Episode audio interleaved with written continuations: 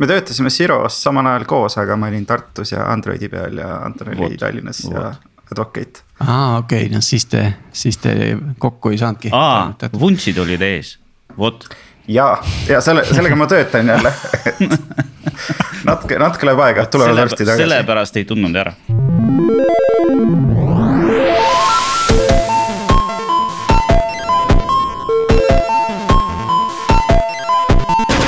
Tere taas Algorütme kuulama, on äh, teine detsember ja, ja eetris on meie saja kaheksas episood, mina olen Tiit Paanen Veriffist ja koos minuga on saadet salvestamas Martin Kapp äh, Pipedrive'ist.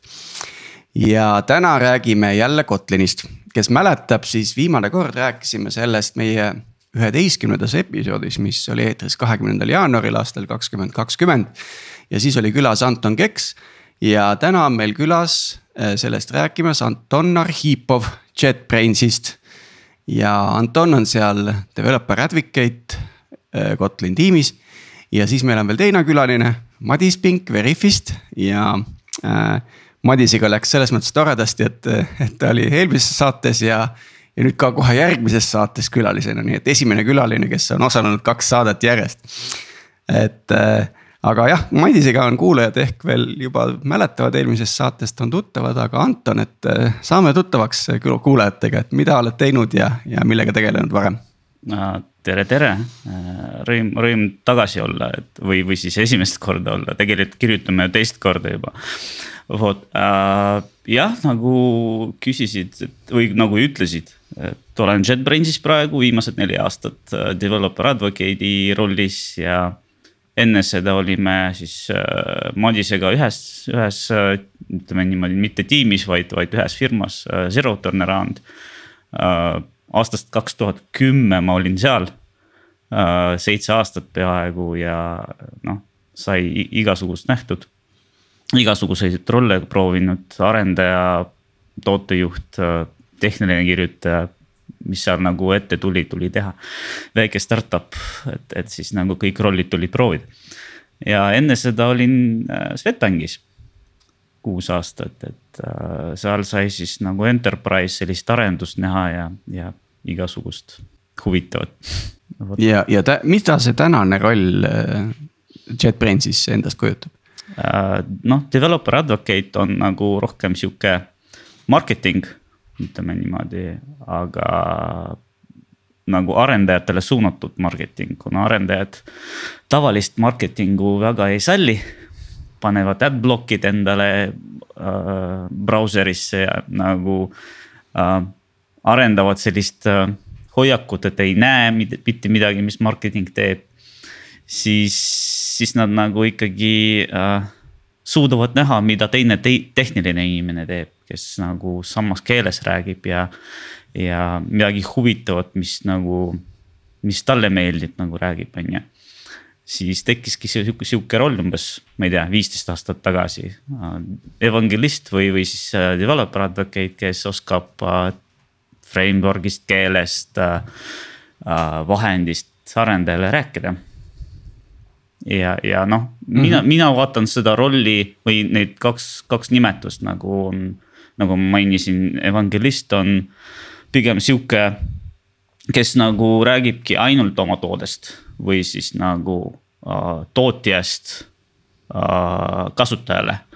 aga developer advocate, seal on sihuke nagu mõte, et, et räägib mõlemas suunas, et kui äh, kasutajal on mingi probleem, siis nagu developer advocate on see, kes äh, noh, ideaalis tuleb tagasi arendaja juurde või, või siis nagu selle tootja juurde ja ütleb, et kuule, kõik on valesti, teeme ümber. see on väga hea, see, see dialoogi moment ja, ja, ja et keegi tuleb ja toob sellist sisulist tagasisidet tootjale, kes siis neid tööriistu arendab. et äh, aga Madiselt kohe siin alustuseks küsiks seda, et, et miks me üldse peame Kotlinist rääkima see, see on huvitav küsimus äh,. ma kiirelt räägin enda tausta ka, kes ei ole eelmist osa kuulanud, et äh, ma praegu töötan arendaja kogemuse peal ja peamiseks tööriistaks on TypeScript. aga ma enne pikka aega töötasin Androidi peal ja Androidis viimased viis aastat on. Kotlin on väga teema, kui nagu hea alternatiiv äh, Javale. ja ma kodus nii-öelda väljaspool tööd, kui keegi ei vaata, siis ma ikkagi kirjutan ka Kotlinit, mitte TypeScripti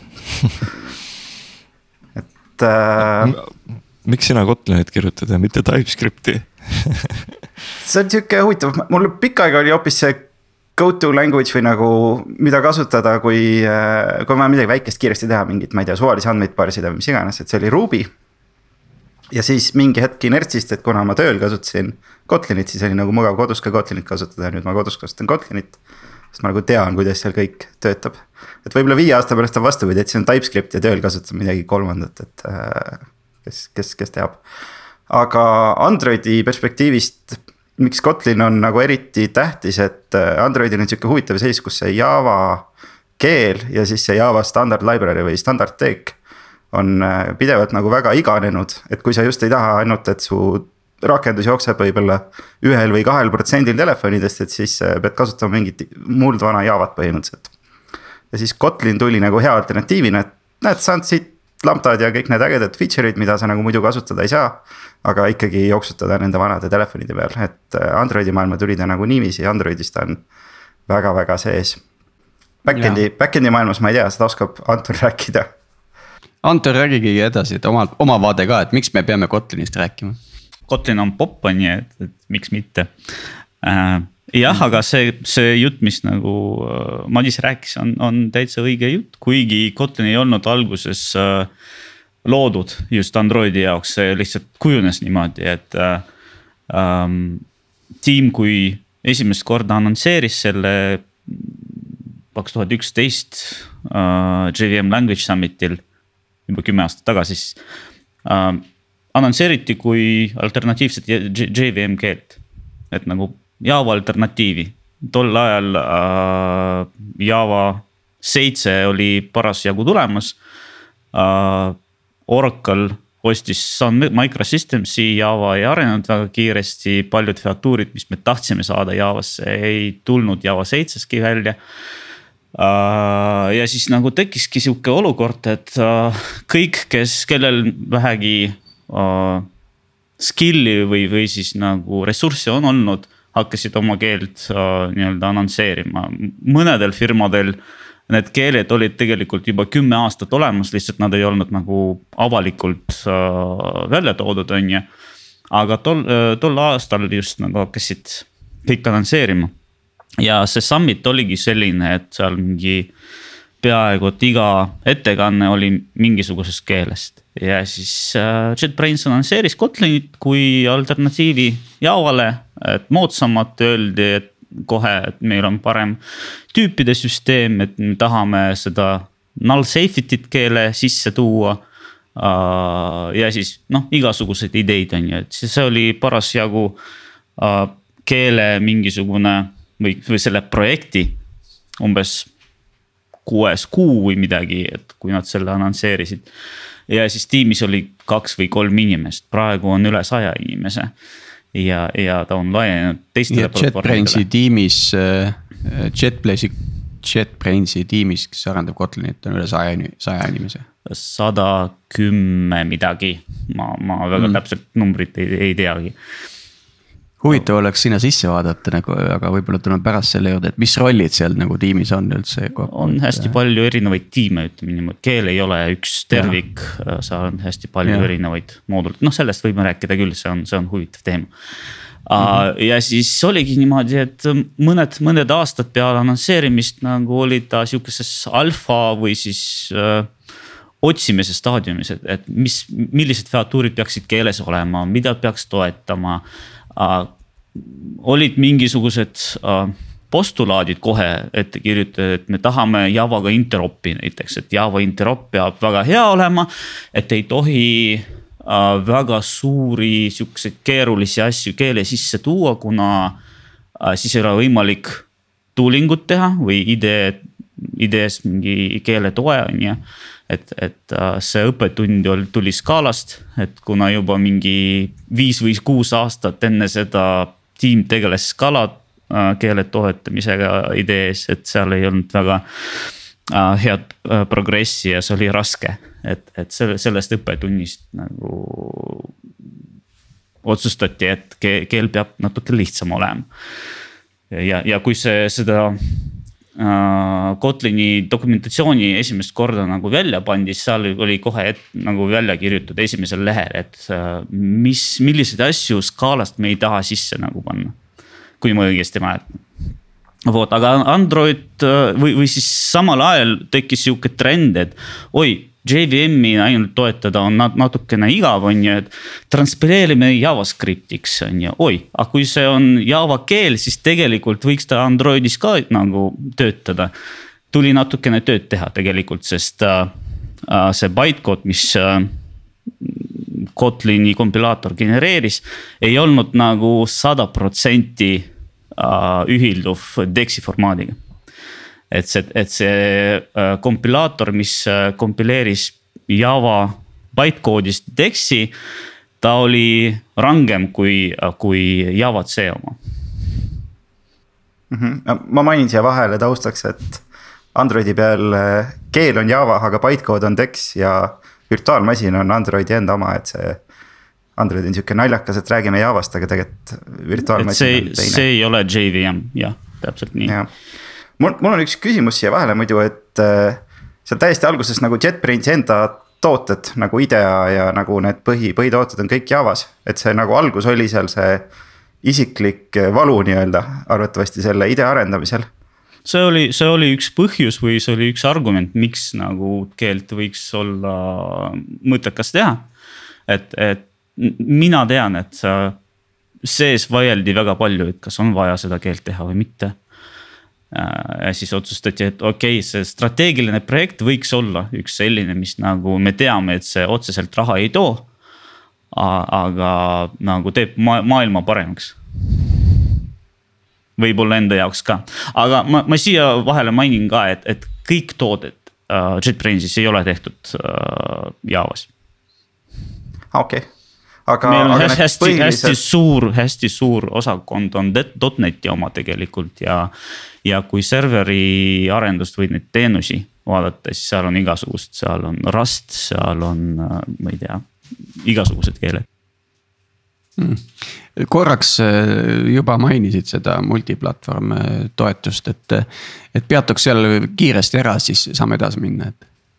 jah, et, et kui ma juba, ma juba kombineerin siis sinu küsimust ja, ja mm -hmm. mis ma arvan, et oleks õige küsimus, et mis need Kotlini täna täna head uh, küljed on, et, et uh, multiplatvorm on üks nendest, mille peale nagu panustame, eks ju. ja, ja siis noh, siia külge ka, et see moodne süntaks uh,, null safety uh,. multiplatvorm ja, ja korutiinid on üks nendest asjadest, mis nagu Kotlin nagu noh, paneb, paneb uh, nii-öelda huvitavaks äh, või, või teeb huvitavaks. vot, aa, multiplatvorm, räägime sellest natuke täpsemalt, on ju äh, jah, et, et nagu ma ütlesin, et esimene platvorm oli Java, siis JavaScript äh, teeme siis Androidi peale ka.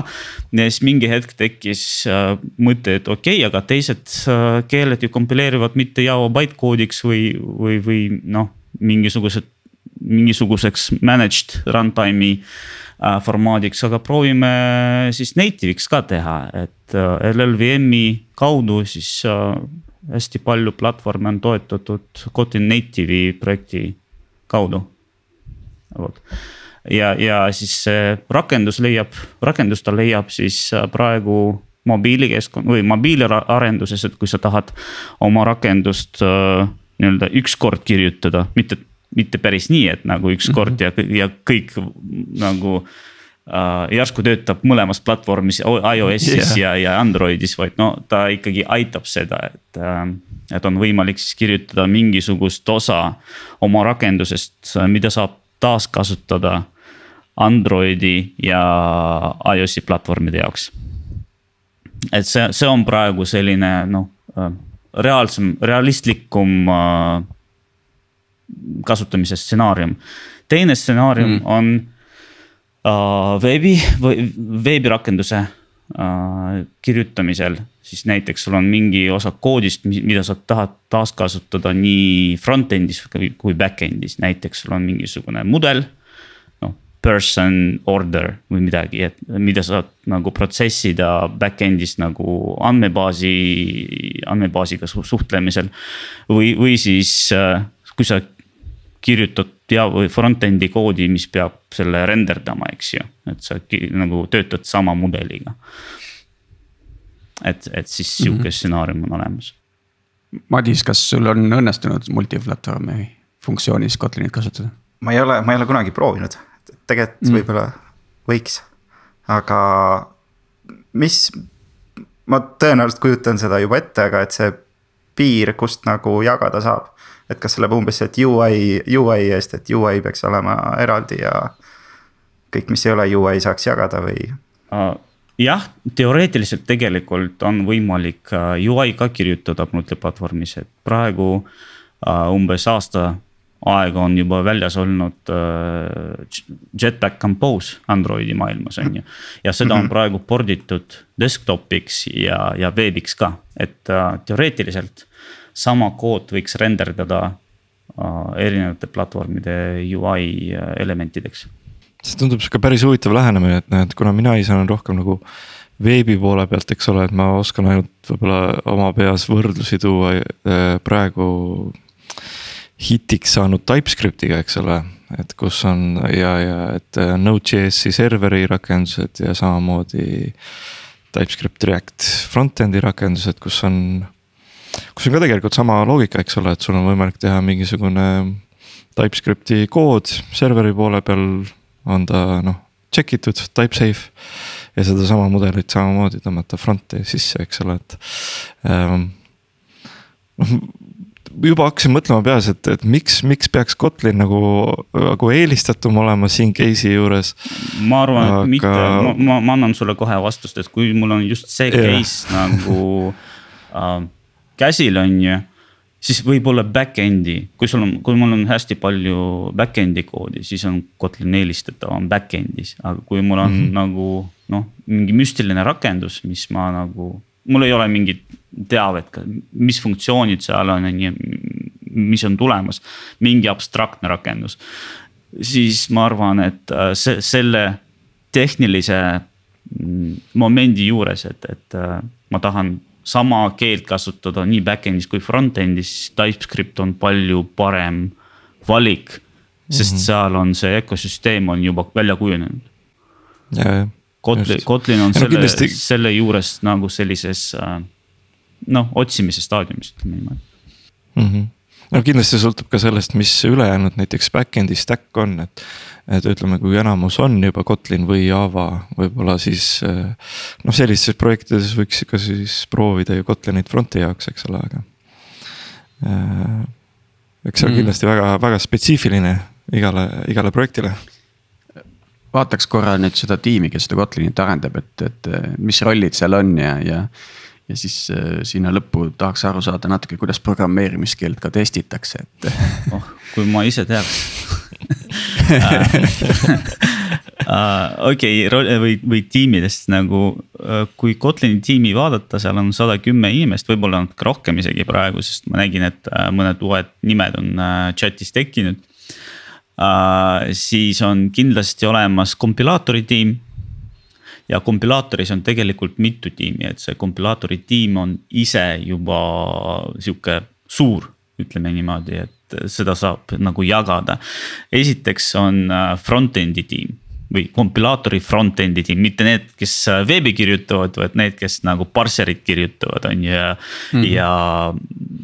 seal on, seal on igasugused need äh, task'id, ütleme, mida front-end, front-end teeb uh,, parsib um, teeb uh, funktsioonide resolutsiooni, nimede resolutsioonid on ju kuidas sul import'id välja kirjutatud on. kas seal peaks olema extension funktsioon või tavaline funktsioon ja nii edasi, et ta nagu parsib ja, ja teeb siis nagu mingisugust uh, intermediate representatsiooni, on ju. millega siis uh, kompilaatori back-end juba töötab et see on sihuke formaat, mida siis kompilaatori back-end võtab sisse ja, ja produtseerib siis juba platvormi koodi ja siis äh, need back-end'id on siis eraldi tiimid. on olemas JVM-i back-end'i tiim, kes genereerib bytecode'i, on olemas sellel või native'i äh, tiim, kes kirjutab siis selle äh, LLVM-i kaudu selle teise bytecode'i välja, native'i on olemas Kotlin JS tiim, kes kirjutab siis äh, JavaScripti välja ja tegelikult sama tiim, tiim tegeleb praegu WebAssembly toetamisega uh,. samas, kui juba kompilaatorist välja hüpata needsamad tiimid, kes on nagu need tehnoloogilised vertikaalid, ütleme niimoodi, et JVM uh,, native, nendel on ka oma teised ülesanded väljaspoolt kompilaatori. näiteks uh, Kotlin native tiim tegeleb sellega, et uh, kirjutab oma garbage collector'i. või, või memory manager'i, et kuidas, kuidas kummalt poolt vaadata, on ju. Uh, JavaScripti tiim tegeleb sellega, et oleks äh, mingisugune vajalik tooling äh, sel-, selleks, et nagu äh, selle teise ökosüsteemiga ühilduda õigesti, on ju, kas on vaja genereerida mingisugused mapping ud JavaScriptist, TypeScripti ja nii edasi. JVM-i tiim siis töötab hästi palju IDE tiimiga ka et äh, IDE-s oleks nagu õige nagu tugi Kotlinile Uh, siis on olemas Matlo, multiplatvorm tiim, mis, kes praegu tegeleb mobiili arendamisega rohkem, et selle stsenaariumiga, et Android ja iOS, aga noh, tulevikus. on uh, plaanides tegelikult seda laiendada niimoodi, et oleks nagu noh, täis multiplatvorm. ja seal on hästi palju siis Gradle'iga tööd, et on vaja nagu õiget tooling ut pakkuda mm,. on olemas ka teised tiimid, kes äh, ütleme, no tegelevad integratsioonidega. et äh, on olemas STD Libi tiim, on olemas äh, korrutiinide tiim, kes äh, kirjutavad noh, selle mm, library, mis nagu realiseerib korrutiinide tööd, aga on vaja ka integreerida teiste teekidega, näiteks Reactor või RX Java noh, seal on vaja ka tööd teha, eks ju. Kui testimisest rääkida, siis on olemas QA ja nendel on olemas ka oma protsess äh,. kuidas nad reliisideks ette valmistavad ja igasugused staadiumid Uh, ma ei tahaks sinna minna, sellepärast et ma väga täpselt ei tea, kuidas see protsess välja näeb ja see praegu, seda praegu kogu aeg muudetakse, et kuna olid uh, väiksed regressioonid olemas Äh, välja tulnud üks kuues, siis noh, või enne üks kuud niimoodi, et pidime reliisi isegi äh, lükkama paar nädalat. et, et äh, see protsess praegu muudetakse ja, ja ma ei teagi, kuidas ta välja näeb täpselt. mis sorti need vead tavaliselt on, et kas on nagu mingi projektid enam lihtsalt ei kompileeru, mingi backwards compatibility asi või kuidas? Äh, pigem, pigem on backwards compatibility asi ja tegelikult see reliisi ettevalmistamine on mitte ainult tiimisisene töö, vaid ka Google'iga koostöö. ma tahtsin kommenteerida lihtsalt seda, et, et mul tegelikult väga, väga vägev süsteem nagu, et see jaotus on nagu täitsa loogiline, kui niimoodi mõtlema hakata, et ma pole enne nagu kompile-, kompilaatoritest ja niimoodi nagu mõelnud, aga.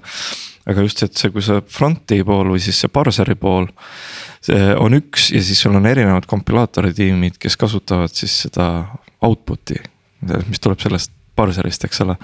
sisuliselt on ju võimalik sul teha, noh, kui te väga tahaks, te võiks teha ka veel ühe keele teha sinna parseri ja kasutada jällegi nagu seda samu kompilaatoreid.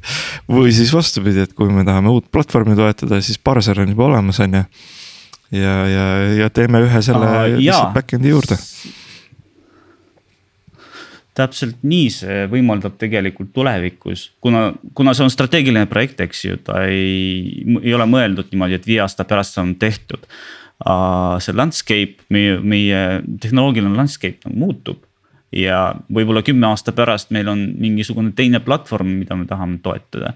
ja see võimaldaks nii-öelda tuleviku peale vaadates nagu seda õiget lähenemist, on ju.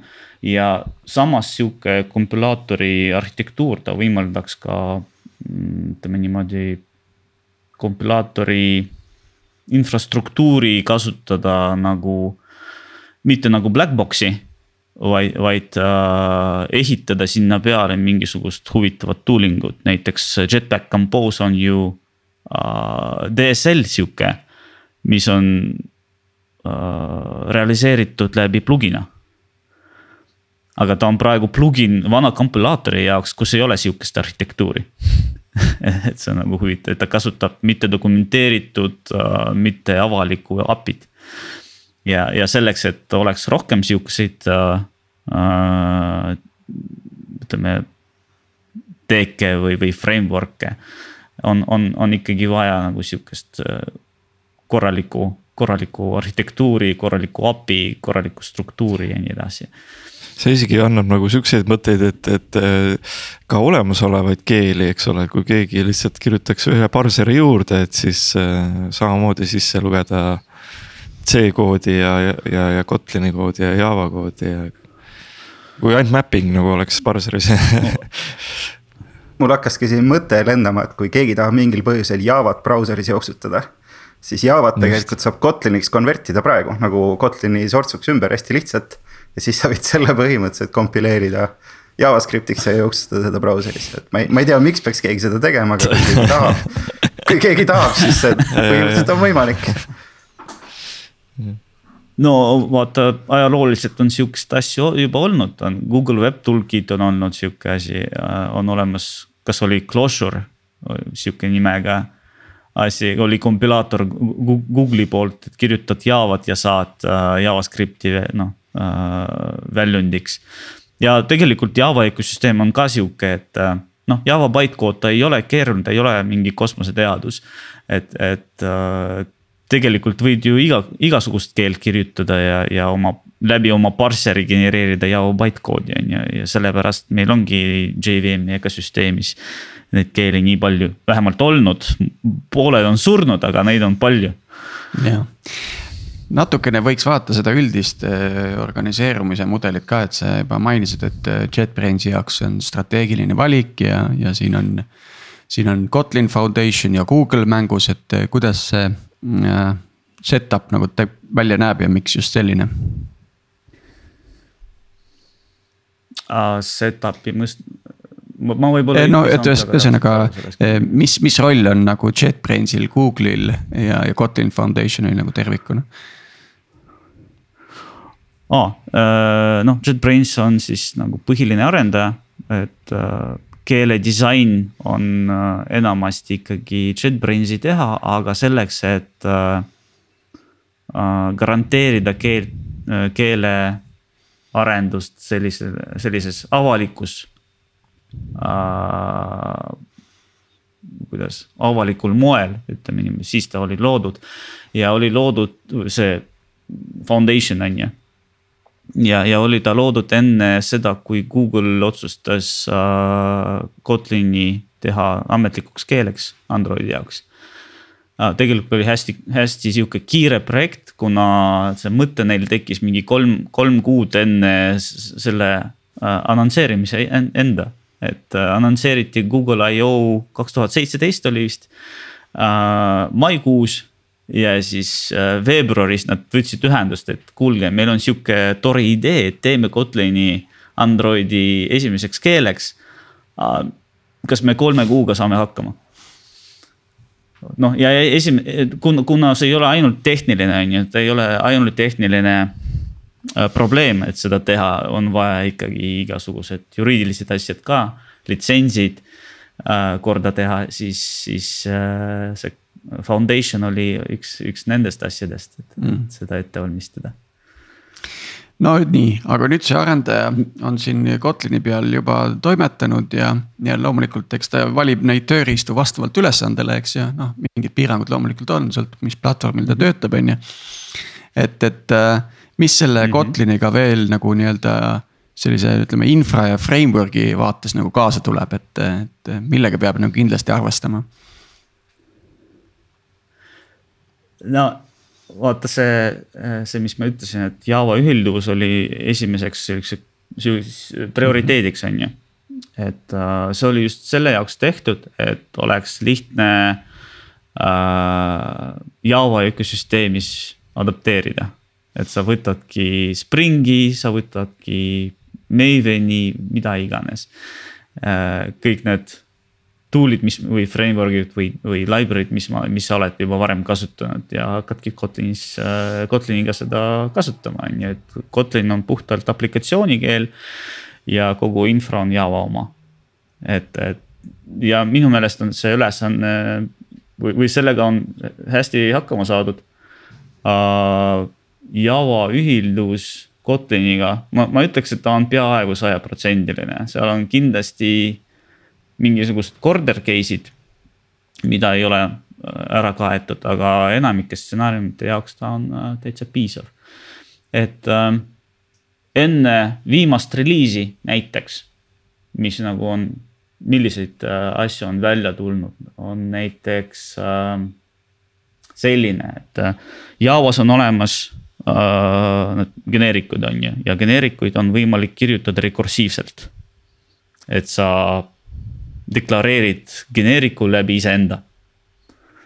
on, on sihuke asi olemas ja seda on kasutatud näiteks Fluent API äh, disainimiseks, et sa nagu äh, kirjutad foo punkt äh, mingisuguse funktsiooni nimi ja see funktsioon äh, tagastab sellesama tüübi, mille peal ta on välja kutsutud.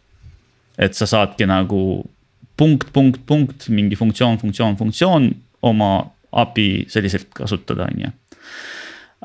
ja, ja selline lähenemine ei olnud äh, Kotlinis kasutatud. et äh, seal kasutati, kasutati natukene teist lähenemist, meil on olemas extens- äh,, extension funktsioonid äh,. ja läbi, läbi nende siis äh, samasugust asja sai teha. umbes samasugust äh,, sa kirjutadki ainult näiteks mingisuguse funktsiooni, milles sees on juba õige kontekst olemas ja sa ei pea äh, sihukeseid äh, punkt, punkt, punkt äh, asju kirjutama. aga kui sa võtadki mingi Java, Java library, test containers või on olemas näiteks mm, Springis mõned API-d, mis on selliselt disainitud siis äh, oli hästi ebamugav, oli vaja igasuguseid workaround'e teha äh,. sul ikkagi Java tüübi deklareerimisel, mis nõuab dekla äh, selle deklaratsiooni real mingisuguse generic tüübi spetsifitseerimist. sul ei olnud sinna mitte midagi kirjutada.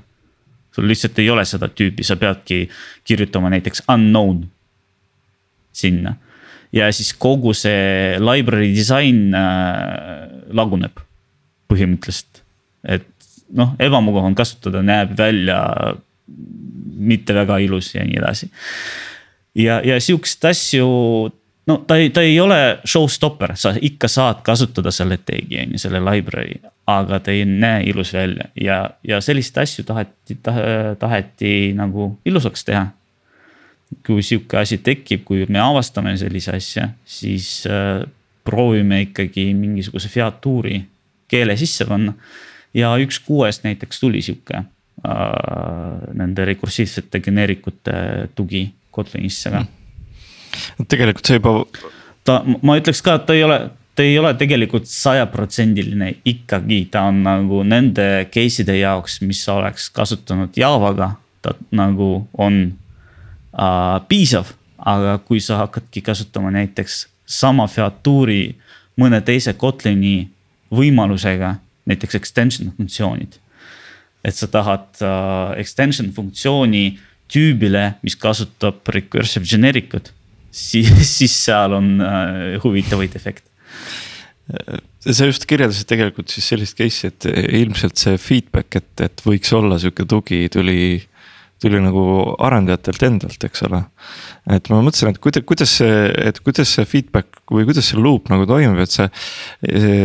et kui sina oled, ütleme see evangelist, suhtled arendajatega ja siis. et kuidas sa saad teada siis, et mida öeldakse siis Kotlini kohta. mis seal puudu on või mis seal parem võiks olla või, või, või.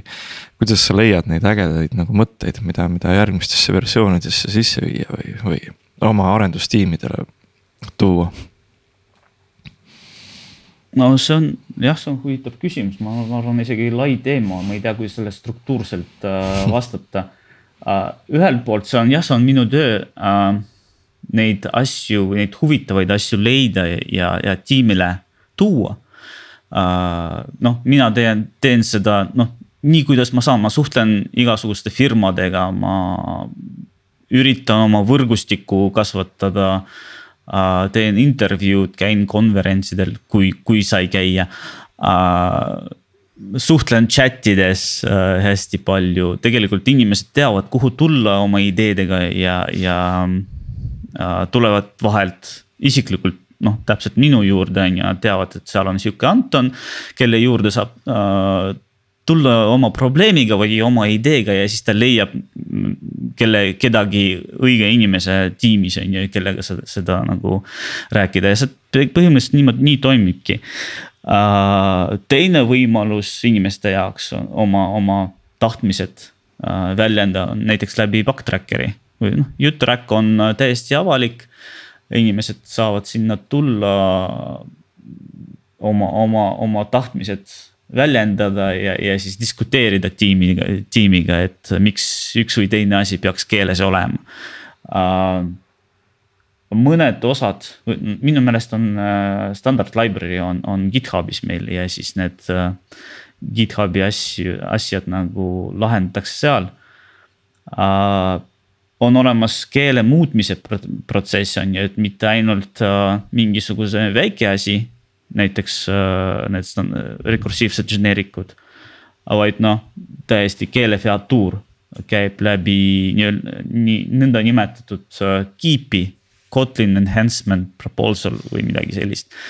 ja siis need on ka GitHubis avalikult olemas, inimesed diskuteerivad, vahest äh, diskussioonid on, on Äh, pikad ja, ja tuleb välja, et on vaja kaks kiipi kokku panna, siis pannakse need vanad kiipid kinni, luuakse uus ja nii edasi, et see on sihuke uh,.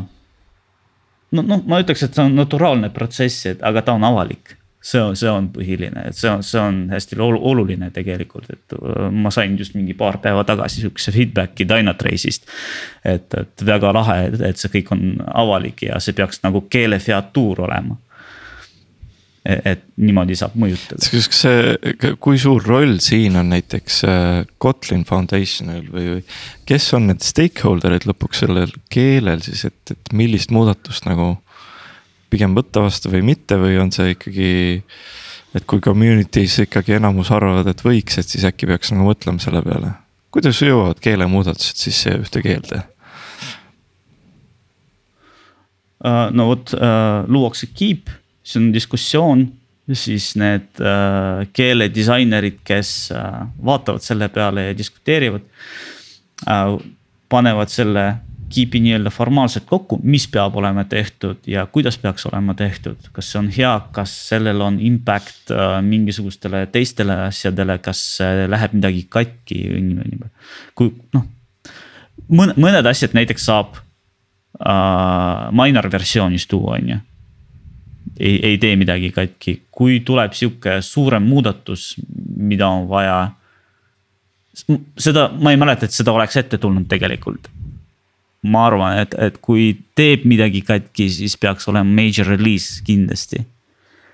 Äh, ja ta ilmselt ei oleks kohe stabiilseks deklareeritud, vaid oleks eksperimentaalne oleks alfa, oleks beeta ja siis lõpuks, äh, kui kõik on kindlad, et, et see asi toimib. Ähm, siis tehakse nagu vaikimisi, äh, võetakse vaikimisi kasutusele ja sihuke protsess on ka mitte ainult keelefeatuuride jaoks, vaid noh. Äh, standard library arendatakse samamoodi, et, et igal pool on selline lähenemine. see tundub sihuke päris hea noh, nagu ütleme protsess, mis nagu open source'is nagu töötab ja üsna hästi, eks ole, et, et äh, tihtipeale mõtlen, et miks me nagu oma kinnistes firmastes private repodes sellist asja ei kasuta, et, et äh, võiks, võiks ju vabalt, eks ole, et äh, kõik see visibility, mis see toob sellega ja, ja kes otsustab ja mis võiks nagu olla hea ja halb, et. Kuidas teil Tiit on, inner sourcing läheb või ei lähe? eriti, jah. no see on väga hea point, sellepärast et eh, eks see algab nagu sellest, et sa oled nagu noh, kuidas ma ütlen. kui ettevõte areneb, siis, siis eh, on kaks võimalikku otsust, eks ju, või arenguteed, et üks on see, et eh, ühel hetkel saadakse aru, et meil on kõik liiga lahti ja, ja saadakse aru siis, kui midagi läheb kuhugile lippama, eks ju. ja siis pannakse kõik kinni, on ju või siis, kui ollakse algusest peale nii-öelda kinni, eh, siis ja, ja no protsessid on hästi tiimi ja repo põhised, eks ju. siis ühel hetkel saadakse aru, et oi, see ei tööta, peab siis natuke lahti tegema et, et lõpuks jõudes, jõudakse kuhugi samasse kohta välja, aga miks seda nii-öelda outsourcing'u distsipliini me ei rakenda sisemiselt? ma arvan, et see on äh, eelkõige tingitud äh, nii-öelda äripoole nõuetest. või mitte, mitte isegi nõuetest, vaid tempost. seepärast, et see distsipliin ei talu äh, äh, kuidagimoodi mingisugust äh, väga agiilset muudatust, ütleme nii võib-olla seda mitte, aga kiirustamist kindlasti mitte, kui on nagu just. jah, mingi deadline või asi, eks ole, et siis no, see ongi. on väga-väga raske jah.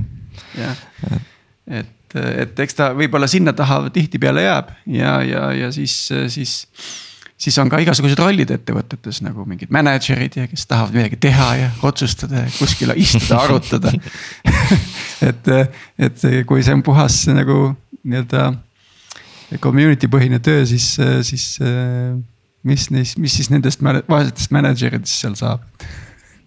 Anton, kuidas teil mänedžeritega lugu on palju teil mänedžere on seal saja, saja kümne pluss inimese peale? on olemas kindlasti team lead'id, kes on tegelikult üheksakümmend protsenti koodi kirjutamisel äh, rõivatud mm. uh,. Is, is, ma tegelikult ei tea, meil on toote, tootejuhid on olemas mm -hmm. või, või marketing manager'id, kes, kes ei ole väga tehnilised inimesed uh, ma nüüd, ma, ma arvan, et äh, ütleme viis protsenti on nendest, kes ei oska koodi kirjutada kogu tiimis mm. -hmm. või, või isegi mitte, mitte, et ei oska koodi kirjutada, vaid, vaid, vaid ei ole äh, toodangu koodi kirjutanud mm. -hmm. Mm. just.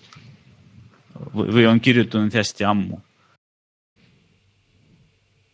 see on väga äge nagu tase ju võrreldes meie siin firmadega.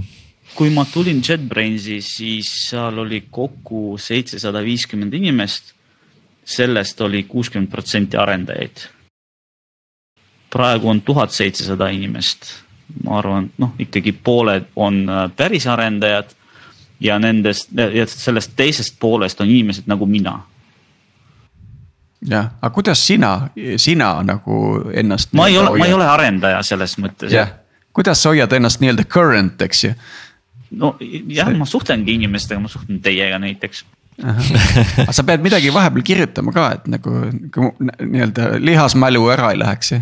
et, et äh, tegelikult, kui mul on aega äh, rutiinist, et see rutiin on tegelikult content'i loomine mm.. kas kirjutamine või videote kirjutamine või, või saatesse tulemine, see on mm -hmm. rutiin. ma teen praegu tööd.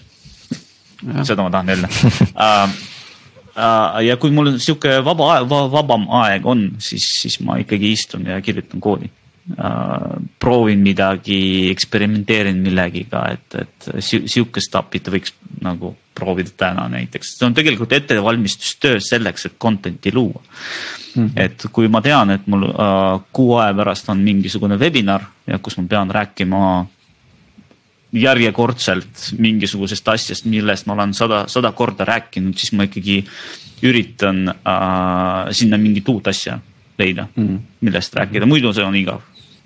Ja noh, samas ma tean, et, et uh, see on nagu sihuke ettevalmistustöö minu jaoks, et uh, teiste arendajatega samal lainel olla.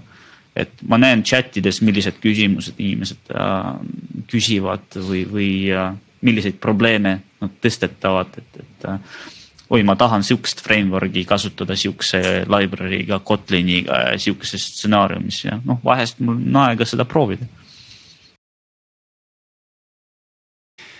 võikski nüüd hakata mõtlema, et mis siis tulevikus juhtuma hakkab, et, ähm, et, et ähm, kuhu programmeerimiskeeled edasi lähevad? see on, on sihuke filosoofia ja fantaasia. oleneb inimesest, äh, keda sa küsid, on ju, et üks ütleb, et uh, no code.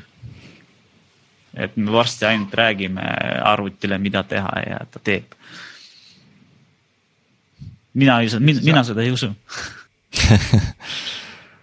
see on, sinna võib-olla on tõesti aega, aga tegelikult see, ma ise just hiljuti nägin, äh, olid mingid videod sellest, kuidas noh üksik, üksikud inimesed, iseseisvad nagu soolotegijad e-, ehitavad äh, mänge, mis näevad jube head välja ka selle juures. ja üks neist oli üks Hiina disainer, kes ehitas mängu kõik eriliste move'ide ja asjadega ja niimoodi, eks ole, ja siis kuidas ta seda ehitas, oli see, et. et see um, Unreal Engine, eks ole, mis on noh, tänapäeval väga võimas ja võimaldab kõike teha. ta lihtsalt drag and drop'is sinna oma õiged property'd ja kirjutas sinna sisse valikud ja kõik need tegevused, mis ta tahtis teha. ilma, et ta olekski pidanud reaalselt koodi kirjutama, mis on tegelikult, kui mõelda, siis väga impressive, et et seal vist on selline funktsionaalsus, et äh, community's on blueprint'id nii-öelda, et keegi teine võib-olla on progenud valmis, aga tema ei pidanud seda nagu põhiosa siis nagu ise tegema, et, et. Äh, see ja kindlasti... see viib kohe sinna, et kui palju täna üldse kopeeritakse koodi Stack Overflow'st toodangusse täpselt, täpselt. GitHubi Copilot on noh. Just, just., see näide on ju seal on huvitavaid äh, näidiseid tekkinud muidugi äh, avalikus veebis, et äh, mis juhtub, kui sa kasutad seda. aga see on vist nagu suurem ja laiem teema meil oli just äh, tööintervjuu, kus üks küsis, et kas ma võin Copilotit kasutada. no aga mis, mis me oskame öelda, no okei okay,, noh saame ikka aru, eks ole, et kas ta oskab või ei oska lõpuks ei saanud aru sest et see Copilot tegi päris palju tema eest ära. tegi vigu ka sisse, sest et see on ikkagi noh, masin, eks ole, kes soovitas seal mingeid asju teha. esiteks ta on ja ta teeb seda mingisuguse andmebaasi alusel, tegelikult ta ei ole päris ai on ju. või, või no tegelikult ai äh, pro, nagu evangelistid ütlevad, et mul pole õigust nii öelda, et see on ikkagi ai ja machine learning. ma ei usu seda, see on lihtsalt äh, tark, tark andmebaas ja ekspertsüsteem ja, ja seal on kaks asja, et kas ta tegi tegelikult seda, mis sa tahtsid. see on üks mhm. küsimus ja teine on äh, see, et kas see kood ei ole mingisuguse huvitava litsentsi all mm.. Mm. Põhimõtteliselt see on copy paste on ju, sa kopeerisid koodi mingisugusest teisest koodibaasist, mis on võib-olla GPL või LGPL või AGPL. ja, ja, ja, ja ma arvan väga et kui see ai ise tõesti genereeriks koha peal seal, noh siis ei ole nagu seda küsimust on ju. aga kuskilt on ju see kood sinna sisse saanud jah mm.. Madis, sa oled sada aastat arendaja olnud, kas sa tulevikus jääd töötaja? ma, ma ei, ma ei usu ma arvan, ma arvan, et see on üks viimaseid töökohti, mis võib-olla läheb mõnes mõttes. mis jääb? ei nojah, või, või mis viimasena läheb, et. aa, ah, mis viimasena läheb just jah. ja, ja, ja, ja aga ehk siis selles mõttes sellised mõtlen... machine caretaker'id jäävad ikkagi nagu pikalt veel siin meiega. jah, aga selle no-code'i osas minu meelest see on lihtsalt tegelikult interface'i küsimus. et kas sa nagu mm. lohistad neid blueprint'e kusagil visuaalselt kokku või kirjutad oma äh,. Ma ei tea, package JSON-isse või Maveni pommi või Gradle faili nagu mingeid teekide nimesid. ja koodiga paned neid kokku, et tegelikult on nagu sisulist vahet poole peal lihtsalt selle interface'i ja võib-olla mõnele sobib tekst rohkem ja mõnele rohkem nagu sihuke visuaalne, visuaalne pool. ja noh, oleme ausad, eks ole, programmist tegelikult ikkagi õpetatakse meil juba lasteaiast saadik, eks ole, tänapäeval äh,. igasugused siuksed põnevad äh, programmid on ja, ja õpp õpetad seda robotit progema nagu liigutama, eks ole, proget põhimõtteliselt see on ju loo-, noh, see on ju nagu loogilise mõtlemise harjutus on see progemine, eks ole, süntaks ja, ja see on iseküsimus, aga. aga progeda ikkagi siis sa pead oskama nagu oma algoritmi väljendada lihtsalt kuidagi. jah, progemine ja ka kuhugi pigem kõigist saavad progejad. jah, jah, jah, tõenäoliselt küll. seda ma usun ka, et, et mul oli üks sihuke hüpotees, et kui me varem nagu noh, töötamine on ju oma iseloomu kõvasti muutnud, eks ju et, et varem töötasime kätega. kõigepealt jalgadega, siis kätega, eks ju, nüüd, nüüd peaga. et, et ja siis see peaga töötamise juures on ka nagu noh, on, on põhimõtteliselt suhtlus ja sisuloome, eks ju, eks. kaks sellist nii-öelda peaga töötamise kategooriat ja siis ja, ja see suhtlus, sisuloome käib nagu dokumentide loomise teel, eks ju, erinevad dokumendid äh, erinevates formaatides. Sheet'id, PowerPoint'id, Word'id, mingid chat'id, nii edasi äh,. aga, aga ma arvan, et see office automation töö, mis noh, täna nagu meil nagu valdav on. et seal tuleb uus kategooria, inimesed hakkavad looma teenuseid et, et dokumentide asemel tekib neile Finderisse või, või Explorerisse nagu ka teenuste nimekiri, mida siis äh, faciliteerivad mingisugused no-code keskkonnad, kes siis neid teenuseid nii-öelda run ivad tegelikult, eks ju. ja siis läheb asi väga huvitavaks, sellest digital garbage'ist me oleme kõvasti rääkinud. et kui palju saavad täna API pihta nagu täiesti mõttetute query'de pealt, mida keegi ei kontrolli, ei halda enam kuskil on ju. see tead, mida see meenutab mulle äh, Exceli ja Citrixi. kui, kui pangas oli, oli sihuke probleem, et äh, üks inimene tegi kasuliku Exceli valmis ja pani Äh, scheduleriga tööle, siis on teisele seda ka vaja. paned siit selle Citrixi shared, shared kettale on ju, jagatud kettale. siis on juba kahel inimesel see olemas ja nii edasi ja, ja siis see Excel kasutab teist Excelit ja niimoodi aastatega kasvatad nagu hajutatud süsteemi nendest Excelitest läbi, läbi võrgu et see on nagu teenuste pakkumine. põhimõtteliselt jah, no tore, kas on, äh, keegi tahab vastata küsimusele, mida ma veel ei ole küsinud? mul on siia lõppu üks hästi suur kannapööre filosoofilisest praktilisse. et äh, selle Kotlini teema osas, kust nagu alustada, et kujutame ette, et ma olen mingis väikses, väikses tiimis meil on oma veebirakendus Spring Boot'iga ja puhtalt Javas ja kuulasin selle osa ära ja tahaks nüüd. tahaks lihtsalt proovida, et kuidas see Kotlin välja näeb ja kuidas ta töötab, et kuidas, kuidas alustada, kõike korraga kindlasti ümber ei kirjuta. no see on, see on väga hea küsimus, ma arvan, et äh, kui noh, sul on, sul on mitu võimalust mida inimesed äh, proovivad, on ju, et nad võivad oma projektis, mis on juba kirjutatud Javas ähm, äh, oma Kotlini kompilaatori äh, konfigureerida või, või siis nullist proovida. et äh, Springil on äh, täiesti olemas äh, projekti generaator, kus saab äh, valida, kas sa tahad Kotlinit, kas sa tahad Mavenit või Gradle'it või, või noh, millist API-t sa tahad kasutada. saadki proovida niimoodi, et genereerid äh, näidisprojekti, vaatad, kuidas seal on kõik tehtud ta ei ole väga suur, et sellest aru saada, on ju. Või siis teine võimalus on, lähed dokumentatsiooni, kuidas Mavenis või, või Grade'ist Kotlini kompilaatori konfigureerida, teed copy paste'i paned oma projekti sisse ongi sul Kotlini äh, tugi olemas projektis, hakkad koodi kirjutama võib Springi dokumentatsiooni vaadata. Seal on kohe näidised uh, Kotlinis olemas.